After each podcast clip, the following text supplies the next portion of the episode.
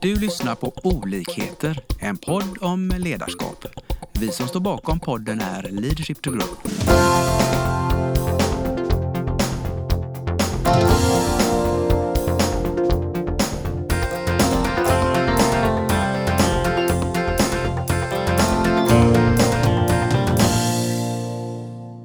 Välkomna till Leadership to Grow.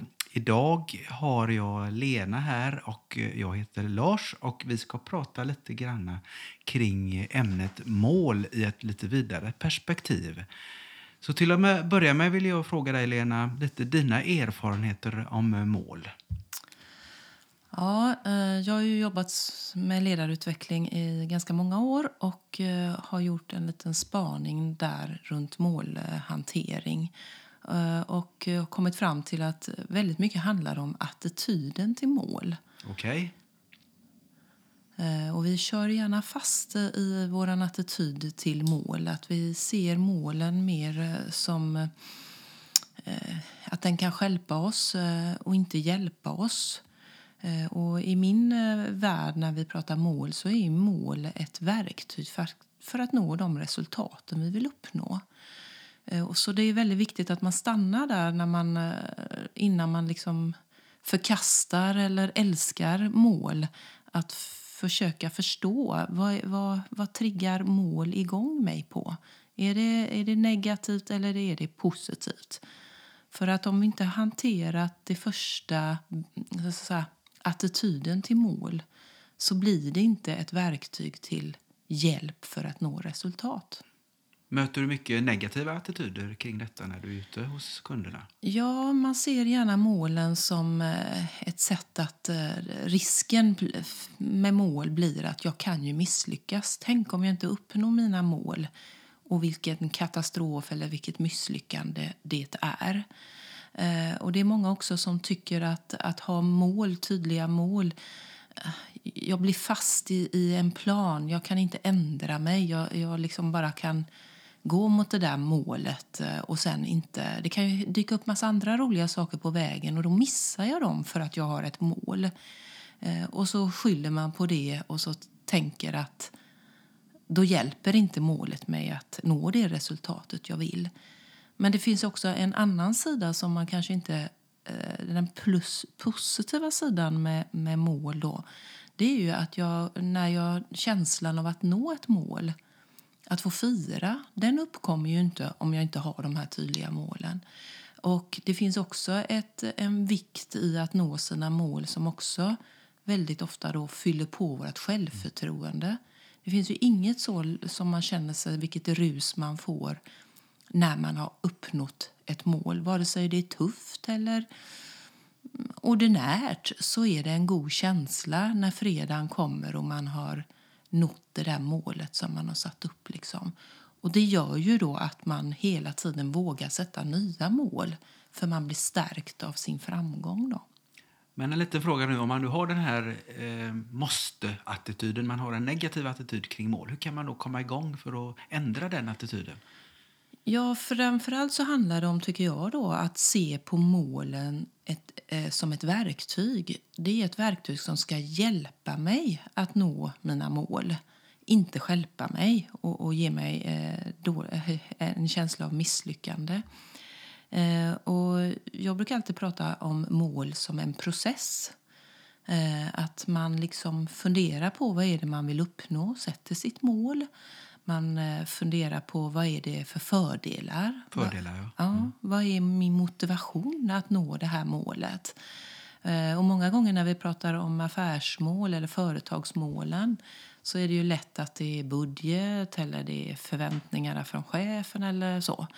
Men det är också eh, viktigt att jag efter alla de där fördelarna också funderar på what's in it for me. Okay. För det är mm. där motivationen ligger.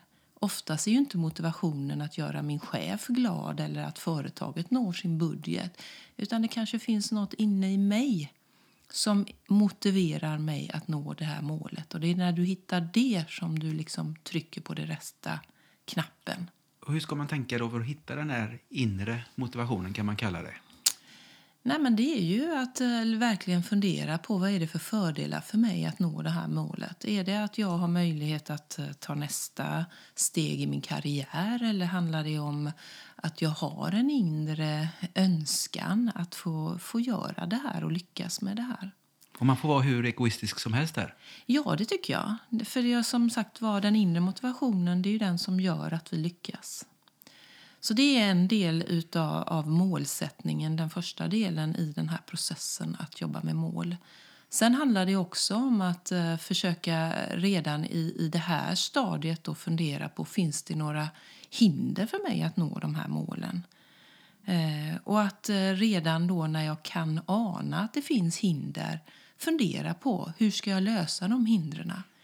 Tar jag den tankeställningarna redan innan då har jag ju faktiskt en chans att gå runt eller gå över eller vad vi nu handlar om. Att, att parera de där hindren innan de faktiskt uppstår. Sen är det ju inte säkert att de uppstår, men oftast är det har du, är du är du eh, förberedd på att de kommer, då kan du hantera dem lättare. Och då är vi inne på det där igen då, att har jag då en förberedelse på det, då blir det inget misslyckande. Sen kommer ju då de här delmålen i, i, nästa steg i processen och där kanske det är det absolut viktigaste då att ha den här avstämningen, eh, uppföljningen på mina mål. För att eh, även om jag gör en plan så är det inte säkert att den planen eh, håller hela vägen. Och det är här då det är liksom hur man ser på målet, att det är inte statiskt.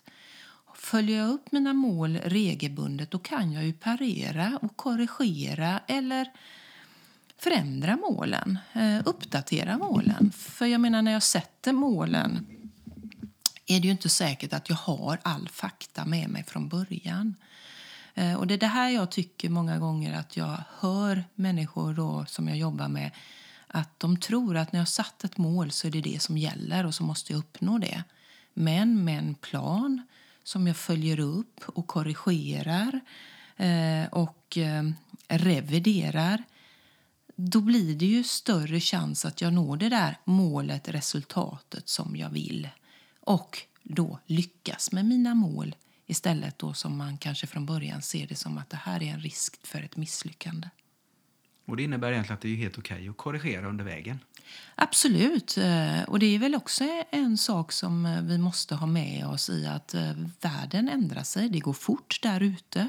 Så det målet jag sätter idag med den informationen jag har, det kanske inte håller, det kanske inte räcker. Jag får nya, ny kunskap, ny, ny erfarenhet som gör att det är mer realistiskt att ändra målet. Finns det inte en risk då att man känner att jag, jag går aldrig i mål, det blir aldrig färdigt så man, man eh, får ingen möjlighet att få den här känslan att yes, nu, nu är jag i mål. Hur ska man tänka där?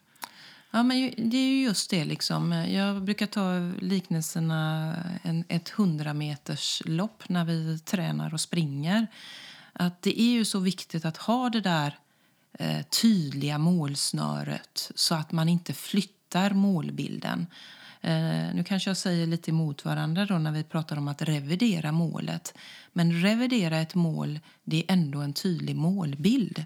Så att jag vet när 100 meter är passerat, så att eh, då kan jag fira och sen då kanske sätta upp ett nytt mål.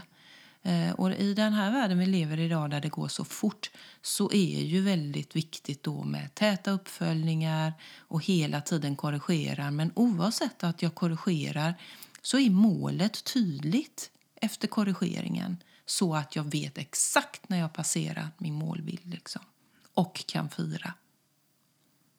Det låter också som att det, det är kanske många små deletapper då, som det är där man ska fira.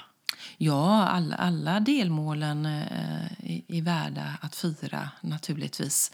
Och som, som jag sa från början, att det är ju det här när du uppnår även delmål fyller ju på din, ditt självförtroende och självkänsla att jag fixar det här. Och då har man modet och, och energin och motivationen att eh, ta nästa delmål för att nå sitt slutmål. Och då det här eh, uppföljning låter ju, det kan ju bli väldigt eh, kanske administrativt och, och, jobbigt att följa upp. Hur ska man, ha, vad ska man tänka kring strukturen där? tänker du? Nej, men uppföljning ska man ju se på som en positiv sak. Eh, det handlar ju inte om att kontrollera att jag har gjort det jag ska utan verkligen reflektera att de här delmålen och aktiviteterna som jag har gjort att de hjälper mig att nå mitt slutmål. Eh, så att, eh, och det behöver inte vara så, så märkvärdigt och, och stort med det utan varje delmål som jag upp, uppnår stanna upp. Kommer jag närmare min målbild eller måste jag korrigera kursen? Jättebra. Om vi då talar i det stora, de här eh, företagsmålen också. Kan man matcha företagsmål eller organisationsmål med, med de här personliga målen som vi har pratat om mest här? Nej, men det är ju som vi sa från början. Då, eh, vad är fördelarna med de här målen jag ska nå? Eh, jobbar vi i företag och det är affärsmålen så, så är, har vi ju ett uppdrag. Vi har en roll. Vi ska uppnå eh, vissa mål.